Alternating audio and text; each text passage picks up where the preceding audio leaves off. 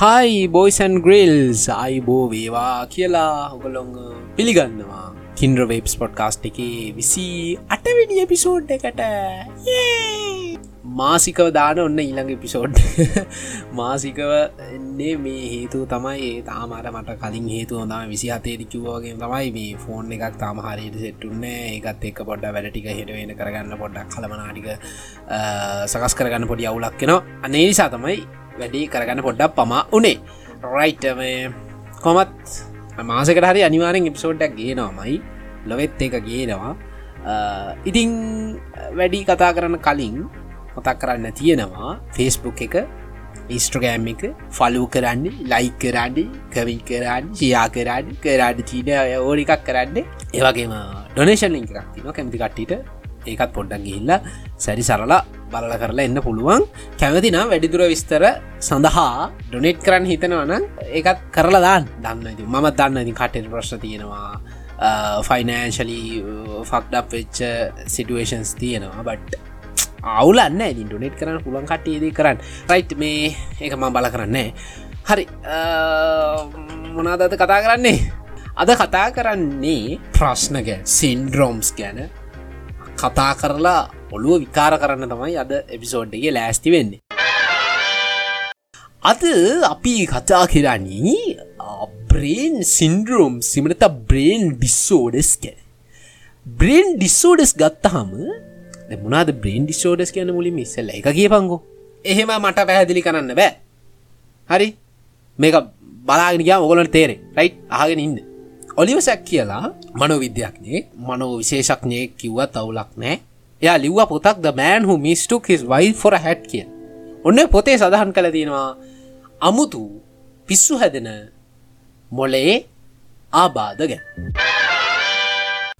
පළවෙනි ආබාධය තමයි මං කතා කරන කෝටාට් සින්ඩ්‍රෝම් කියන එක. මේ සින්ඩ්‍රෝම් එක වැලදුණු රෝගියට හිතෙනවා එයා මිය ගිහින් කියලා. අවුදු හැට පහක් වයස මනුස්සේ එයා රිටයි ටීචගෙනෙක් එයාගේ ෆැමිලි හිස්ට්‍රීක ගත්තොත් එහෙම කිසිම මානසික ආබාධ තියන කිසිම එහෙම කෙනෙක් නැහැ.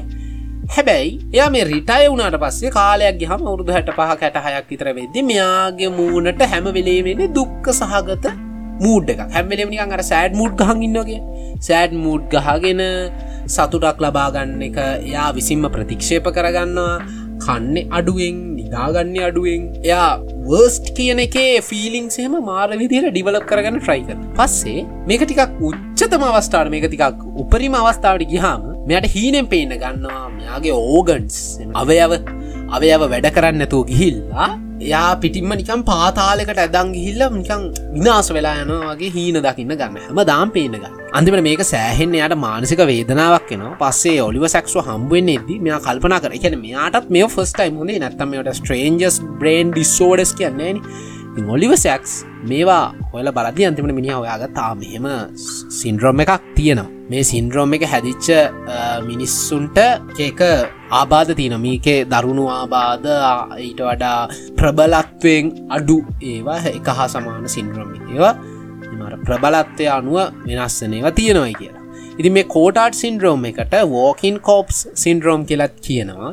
ඉතින් සරලෝමීකෙන් කියන්න මේ සින්ද්‍රෝම් එක තියෙන රෝගිය කැම්මලේම හිතනවා එයා මිය ගිහින් කියලා අනිත්තට පේනෙනෑ කියලා. ඉතිං ලෝකේ සෑහෙන්න දුර්ලබ සින්ද්‍රෝම එකක් කියල තමයි මේක හොයාගෙන තියෙන්නේ. ඉති මේකට ට්‍රීටමන් විදිහට ඇන්ටි ඩිප්‍රසන්ට් එමනත්තං ඇන්ටිසයිකොටික් ඩ්‍රක්ස් එහෙම දෙන්න පුළුවන්. එහමනත්තං ඉලට්‍රකන්නවල් සිය තෙරපියකිනු මේ ආබාධ මේ සින්ද්‍රෝම් එක පාලනය කරන්නට හෝ මේක නැති කරන්නට හැකියාවක් තියෙනවා. ඒ කර මංකිව කලින්කිව වගේ ආබාධය ප්‍රබලත්වය අනුව තමයි ඒ ප්‍රතිකාරයේ බලපෑම තීරණය වෙන් දෙවනි සින්ද්‍රෝම එක තමයි ප්‍රොසපැක්නොසිය ප්‍රොසොපැක්නොසිය වැලදිච්ච රෝගයේ අනිත් අයගේ මුහුණු මතකනෑ අනිත්‍යයගේ බාහිර ස්වරූපය මතකනෑ මේ ඔලිවසැක්ස් පොතේ ලියන අර පොතේ The man who mistook his wife for hat කියන පොතේ යා ලියල තියෙනවා. ප්‍රොස්පෙක්නොසිය ගැන ටිකක් පුළුල්ව කතා කරලා තියෙනවා. මේකෙදී මම මේවා සේරම හැලි කරන් කියවන්න යන්න ඔලිව සැක්ස් එක එක තියරී එකක් තියෙන එක මිනිකං සහතික නොකළ තොරතුරත් තියෙනවා. ඔලිව සැක්ස්ටත් මේක ටිකක් මොඩරේට් වර්ෂන් එකක් වැලදිලා තියන කියලා. ගැන ඔලිව සැක්ස් කියන්නෙත් ප්‍රසෝපැක්නොසිය තියෙන ප්‍රසෝපැක්නොසිය එක ටික මොඩරේට් වර්ෂන් එකක් වැලදිලා තියෙන රෝගයක් කියලා පොඩි කසුකුසුවත් තියෙන එක හරියට ශුව නෑ. ඉතින් ප්‍රසෝපැක්නොසියා කියන මේ සින්ද්‍රෝම් එක සාමානෙන් හැදෙන්න්න මේ ස්ට්‍රෝක් එකක් වුණහම කියන කොහැරි තැනක වැදුන හම හෙම නැත්තං ඇක්සිඩන්ට් එකකදී වගේ හදිස්සි අනතුරකදී මොලේදී ස්ට්‍රෝක් එකක් වුණොත් ප්‍රසෝපැක්නොසිය සින්ද්‍රෝම් එක මොකහරි අවයවයකට ඩැමේජ්ජුණොත් ඒ ප්‍රසෝපෙක්නොසියා සින්ද්‍රෝම් එක වැලදින්නට අවශ්‍ය කරන අවය ඒක හැදෙන අවයාවේ මොකහරි අනතුරකට ලක්වුණොත් එදේ හැදෙන. අනිත් අයගේ මූුණු මතක නෑලු කොටින්ම තමන්ගේ පවුලය අය තමන්ගේ දරුවන් තමන්ගේ වයිෆ්ල තමන්ගේ බොබ්ලංගම ඉන්න සමීපතමයන්ගේ පවා මුහුණු මතක නෑයාට හැම්වෙලීම මුණු අර ඉන්දෙන් පස රීසෙට්ටන වගේ කතන්දරය සිද්ධ වෙනවා. ඊළඟ සින්ද්‍රෝම එක තමයි ඇෆන්ටේසියා ඇෆන්ටේසියා කියන සින්ද්‍රෝම එක හැදිච්ච රෝගියට හිතේ සිතුවිලි මවා ගණ්ඩ බෑලු. අවුරුදු හැටභාග මනුස්සේ එකන නා නම සඳහන් කළ නොහැකි පුද්ගලට මේ ඇන්ජියෝ ප්ලාස්ටි සර්ජරි එකක් කරලා තින කොරනරි ඇන්ජියෝ ප්ලාස්ටි සර්ජරි එකක් කරලා තියෙනවා. මේ සර්ජරිකෙන් පස්සේ මෙයා කියන අනිත් කට්ටේට මේ මෙයාට මේ විශ්වලයිස් කරගන්න බෑ. මෙයාට අර රූප හිතේ මවාගන්න හැකියාවක් නෑ.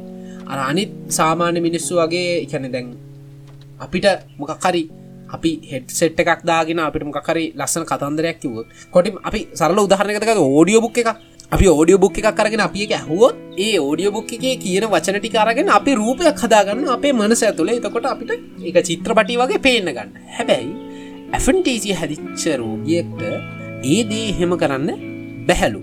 ඉතිං ඔලිවසැක්ස් ගාවට මේ රෝගය ඇවිල්ල කතා කරද්දී අන්තිමට මෙයා රිසර්ච් කරන්න පටන් ගත්තා. මේ රිසර්චවල්ලිං හොයාගෙන තියෙනවා තවත් රෝගියෝ විස්සක්. මේ වගේම සින්ද්‍රෝම් එකක් හැදිලා ෆුල් ඩල්ලලා ඉන්න කට්ටිය. මේ ඇෆන්ටේසිය කියන නම අරගෙන තියෙන්නේ ග්‍රීක භාෂාවින්. මේ ග්‍රික භාෂාවින් ඇෆන්ටේසිය කියල කියන ඉමජිනේෂන් වලට. ඊළඟ සින්ද්‍රෝම් එක හෙමිස්පේෂල් නෙක්ලක් හෙමිස්පේෂල් නෙක්ලට් කියන සින්ද්‍රෝම් එක වැරදුණු රෝගියට හැමදේම බාගෙට තමයි වෙන්නේ කන්නේ බොන්නේ කරන්නේ හැමදේම වෙන්න හැබ බාගෙට. එක ස්ට්‍රෝක් එකකින් වෙන දෙයක්. හදිසිය මොකක් හරි අනතුරකින් මොලේට එන හානියක් නිසා තමයි හෙමිස්පේෂල් නිගලක්ට එක සිද්ධ වෙන්නේ. මේ ස්ට්‍රෝකකින් පස්සේ මේ සින්ද්‍රම් එක වැලදුණු එයා ලෝකයේ භාගය ප්‍රතික්ෂේප කරන්න පටන්ගන්න එක උදාහරණකට ගත්තොත් එයා යාට පිගානක් පුරෝලා පිගානක් පුරෝලා කෑම එකක් දුන්නොත් එයා කන්න හරිටම් භාගය යාට බඩගිනි වනත් නැතත් එයා කන්නේ හරිටම් භාගය එයාට ඔරලෝසුවක් අදින්න කිවොත් එයා අදින්නේ භාග රව්මක් දොලහිදලා එක දෙක තුන හතර පහහයටික විතරයි. අනිට්ටිකට හැමදේම භාගයකට තමයි වෙන්න. ඉතින් මේ සින්ට්‍රෝම් එකේ උච්චතම අවස්ථාවට ගියොත් එහෙම මෙයාට අවට පරිසරෙන් හරි යට ශරීරයෙන් ලැබෙන හරි ඉන්ෆෝමේෂන් ප්‍රොසෙස් කරන්න හැකියාවක් නෑ. සියට පණහා බ්‍රේන් ඉංජරියක උන සයිඩ්ඩගේ නෙමේ යවුලති අනිත් සයිඩ් කැන බ්‍රේන් ඉංජරියක දකුණු පැත්තට වුණොත් වම් පැත්තට ලැබෙන ඉන්ෆෝමේෂන් ප්‍රොසෙස් කරන්න බෑයාට වම් පැත්තට වැදුනොත් දකුණු පැත්ත තියෙන ඉන්ෆර්මේෂන් ප්‍රොසෙස් කරගන්න විදින්න එක ශරීරය හෝ වටපිටාවල් ලැබෙන ඉන්ෆර්මේෂන් එයාට ප්‍රොසෙස් කරගන්න හැකියාවක් ලැබෙන්නේ නැහැ. ඊළඟ සහ අවසාන සින්ද්‍රෝම එක තමයි. එක්ස්පලෝඩිං හෙඩ් සින්ද්‍රෝම් කියනක මේ සින්ද්‍රෝම එක වැලදුණු මිනිහෙක්ගේ ඔලු ඇතුළේ බෝම්බ පිපිරෙන්න්න ගන්නවා. ඩුම් ඩොම් ඩොම් ඩොම්. අවුරුදු පනසතක ඉන්දිය මනුස්සේ ඩොක්ටස්ලට දිගින්ටිකට කම්පලේන් කරන්න ගන්නවලු මේ. එයාගේ පහුගේ අවුරුදු දෙක යා නින්දෙන් ඉන්නවට හැමවෙලේම නැගිටිනීම ෆලෑශිං සවන්් ඩිෆෙක්් එකකින් ලු. එකන නිකන් එක පාට ශකබුම් වෙලා යන සවුන්් එකකින්ලු එයා නැගිටින්න පටන් ගන්න තින් අන්තිමට ඩොක්ටර්ස්ලා ටික උඩුකුරුන්යන් ගහනවා උන්දන්නෙත් නෑ මොකක්දයකු මේ කියන්නේ කියලා පස්සේ හොයලා බැලින්නං මේක ඇත්තටම රියල් කඩිෂන් එකක්. මේකට කියන්නේ එක්ස්පලෝඩිං හෙට් සින්රෝම් කියලා. ති මේක හැදුණු මනුස්සේ ලොකු බෑංග සෞන්් එකක්. එහමනත බෝම් එක්ස්පලෝඩිං සෞන්් එකක්. එමනත ගන්ෂොට් එකක්. එමනතං වෙන ඩිෆිනිින් නොයිස් එකකින් යාව නැගිට්ටෙනවා. නත යාට නිතර මේක ඇහින්න ගන්න ඒක මානසිකව යාට මාරවිදියට බාධාවක් යාට මාරවිදියට අවුලක් කෙලෙනවා. ති මේක ලෝක ඉතාමත්ම දුර්ලබ සින්ද්‍රෝම් එකක්. හැබැයි මේක හැදිච්ච මිනිස්සුත් ඉන්නවා. ඉතින් මේ ඔයි ටික තමයි සින්ද්‍රෝම් සල කතන්දරේ. හරි? ඊළඟට අපි කතා කරන්න යන්නේ ලෝකි තියෙන ලේසිම ගනිත ප්‍රශ්නය. හැබැයි කාටවත් එක විසද ගන්න බැරිලා දින මෙච්චර කාලෙකට. ඉන අපියගේ කපුගත්ත කියල බලන්න.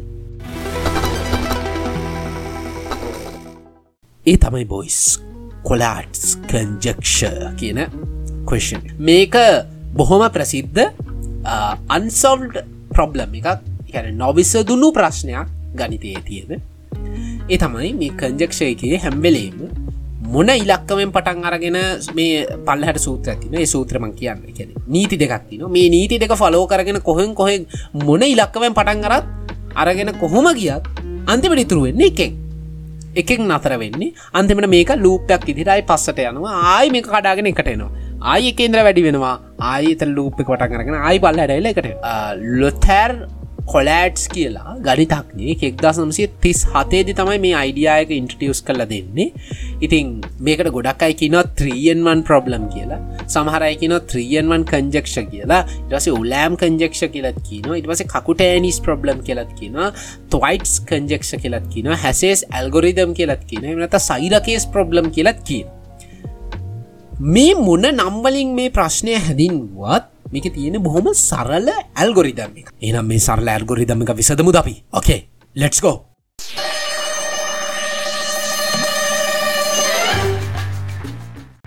පලවෙනිදී වාට තෝරගන්න සිද්ධ වෙන එකයින්ද නම්ේ වෙන කන්තින ලක්කමලින් කැමති ලක්කම දෙවනි කාරණාව මේ ලක්කමට වාට යොදන්න නීති දෙකත්තින පලවෙනික තමයි එක රට්ට සංඛ්‍යාවක් නම් දෙකෙන් බෙදෙනවා. ඔත්තේ සංඛ්‍යාවන්නම් තුනෙන් වැඩි කල්ලා එකක් එකතු කරන්න ආසොරි ah, තුනෙන් ගුණ කරලා එකක් එකතු කරනවා.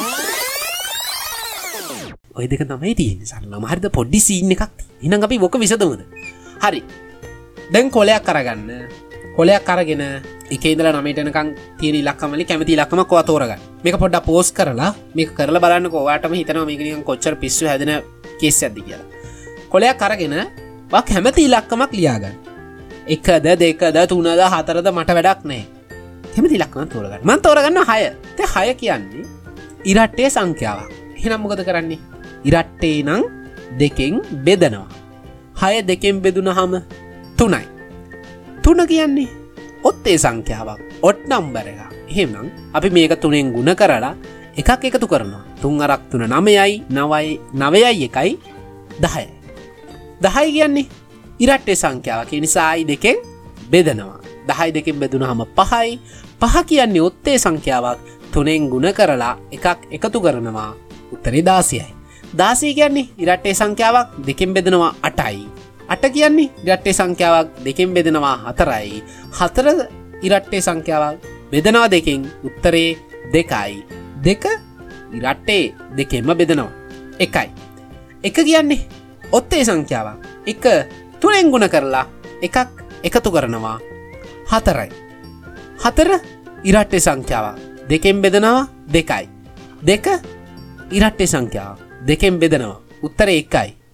එක කියන්නේ ඔත්තේ සංඛ්‍යාවත් තුනෙංගුණ කරනවා එකක් එකතු කරනවා. හතරයි.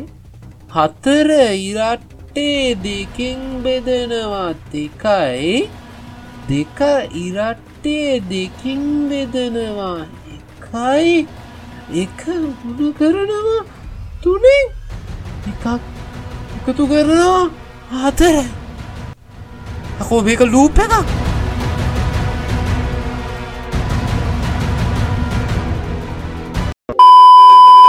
එති මේකට මේ ගනිතක්ඥය දෙන්නේ මේ ආතල් කතන්දර දෙයක් දීලා තියෙන පෝල් ලැර්දෝස් කියලා මේ ගනිතක්නය කියලා තියෙනවා.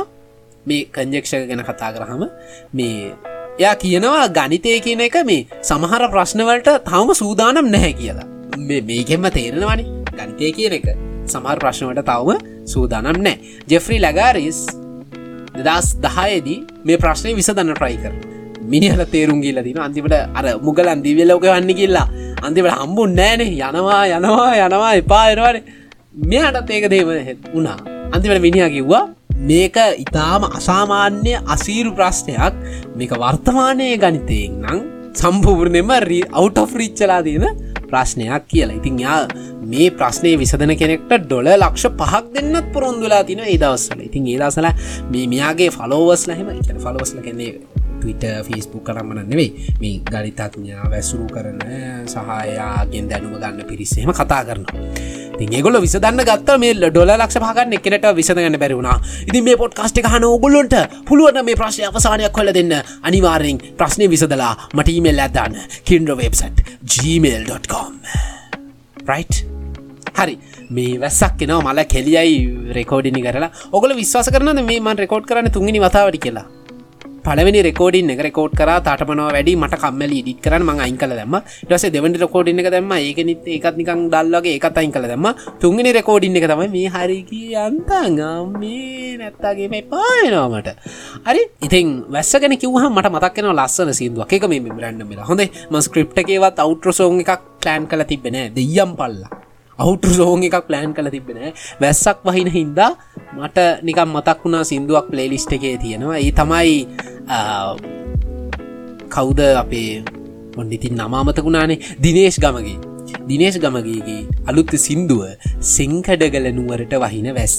ඉතින් මේයකා මේ සින්දුව කියලා මේ මියසික් වීඩ එක රිලිස් කලා දවස්තුනක් යන්න කලින් වහින්න ගත්තා. මල මගුලා එදා ඉදලා තාම වහිනවා. ඒ පාවෙනවා හරි? එකනිය වස්කවියක්ම තම යර සුලේ ශාන්ත අර මගේ කුකුලා නැසූ එක ලිව්ව වගේම තම් මේකත් මිනිහ කියලා මේ මියසික්කිඩ එක දැම්ම විතරයි වහින්න ගත්ත. අබ්දු අම්මියේ. තව පොඩ්ඩක් කියාරන්ගේම මේ අපිට ගලනවා අපියෝ මෙහ කලාගෙන යන ඌලග මේ ඉතින් හෙනම් එපිසෝඩි කිවර කරනවා. ආප හැමනකට මොහම ස්තුතියි.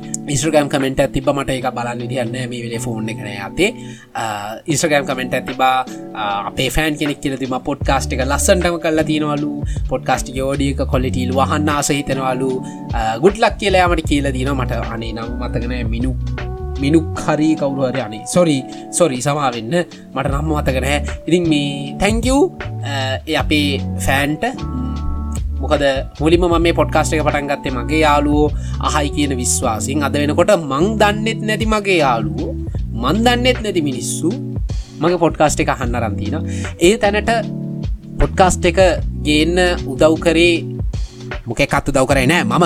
කෙනාවේ. හරි. මමන මේක කරේ. වෙන කවුරුත් නෑ. හරි. නිසා මේ මං මටම ක්‍රඩිට් එක ගහගන්න ඕනේ. හරි. මෙහනම් අපි පිසෝඩි කිවර කරමු. එනම් කින්ඩ වෙබ් පොඩ්කාස්ටගේ විසි හටවනි පිසෝඩ් අපි බෙද විදිට අවසක් කරනවා. තම මාසකින්ගේ බලත් අත එකකින් තුනකින් අපි තව පිසි එපිසෝඩ්ඩගෙන් හම්බෙමු. එනම් කටි පරිසමෙන් ඉන්න. ජයවේවා මම කිඩුර්දිගන්ත මේ වාලගී ආහොඩ්ඩයින් මංකි පොක්ස් පැතිල්ලා තින්නේ ඒ නිසා මේ මේ එක පැතිරෙන්න්න ඕන ක්‍රම ඔකළ දන්නවනේ. අතුවාල එකට ගාගන්න යන්න එපා. හරි. මේ පස්සේ ඔය රූම් ගාන හිල පිස්සු කෙලින් යන්න එපා. ඒටික මදක් කරව එන අපි පිසෝඩි කරකට වඩීමට ලච්චාය අව කෙනුෘතිගන්ත මේ වාලකි කෙන්ඩරෝ වේස්.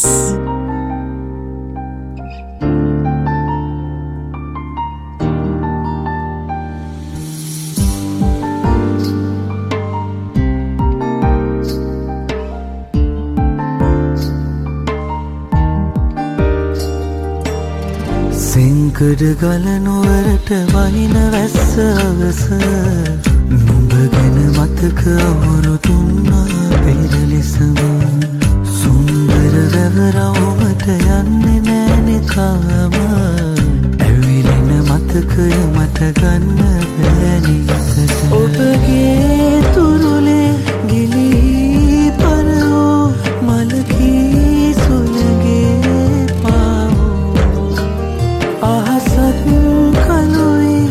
අකුණුත් බොඳවී කඳුලේ පැතලී තනි. සෙංකඩ ගලනුවරට වහින වැස්ස අවස නුඹ ගැන මතක අවුරු තුන්නා පෙරලෙසම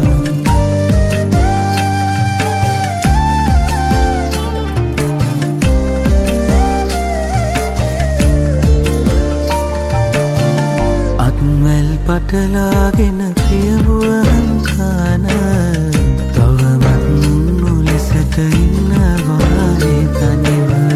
රැව්දිය නිසල වෙලා මගේ හදවත වගේම. දළදා විතරයි අදවිත අහසත් කනුයි අකුමුත්